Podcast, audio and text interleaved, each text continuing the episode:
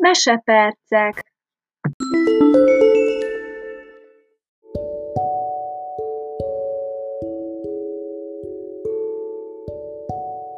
Zeg Zoltán, négy vándor.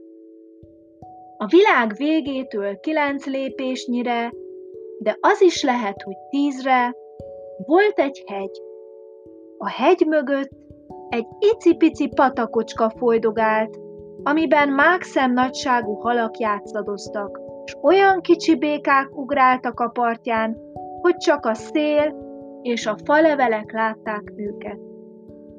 A hegy se volt valami óriási, a verebek gyalogláb másztak át rajta, és mikor a túlsó felére értek, még akkor is kedvük volt ugrándozni.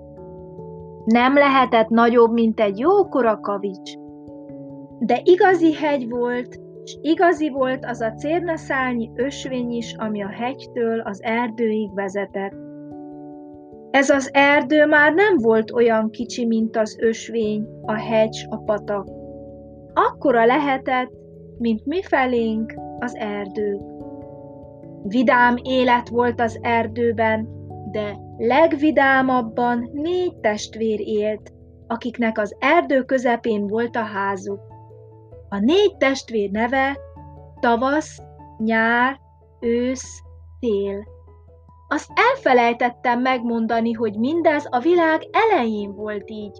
A világ elejéről is csak tíz évig és három napig, mert tíz esztendő és három nap múltán a négy testvér összeveszett.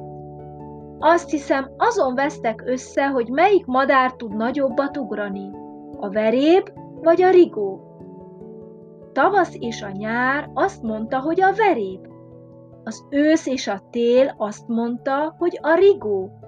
Hiába kérdezték a lepkéket, az ösvényt, meg az icipici kis patakot egyik sem tudta megmondani, melyiknek van igaza. Így történt aztán, hogy a tavasz így szólt testvéreihez. Ezen mi elveszekednénk a világ végéig. Én hát inkább elmegyek közületek. Ezzel aztán el is indult át a kis ösvényen, át a kavics nagyságú hegyen, és az icipici patakon, míg csak a világ közepére nem ért. Beletellett vagy három hónap, amíg visszajött az erdőbe.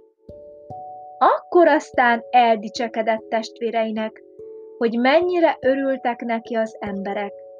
Mindenki azt mondta, hogy a tavasz a legszebb a világon. Ezt bizony nem hagyta a nyár. Ő is útra kelt, és ő is dicsekedve tért vissza. Én hozzám bizony így szóltak az emberek. Te vagy a legjobb, te vagy a legkedvesebb. Te érlelted meg a búzánkat, hogy lisztet őrölhessünk belőle, hogy kenyeret süthessünk a lisztből. Hát, ha így van, én is útra kelek, gondolta az ősz, és nem is gondolta kétszer, túl volt már az erdőn, hegyen, patakon. Aztán, mikor visszatért, így szólt. Láttátok volna, hogy örültek nekem az emberek. Nem is csoda, mert teli tarisznyával mentem közéjük. Vittem nekik szőlőt, diót, almát, körtét. A tél se hagyta magát.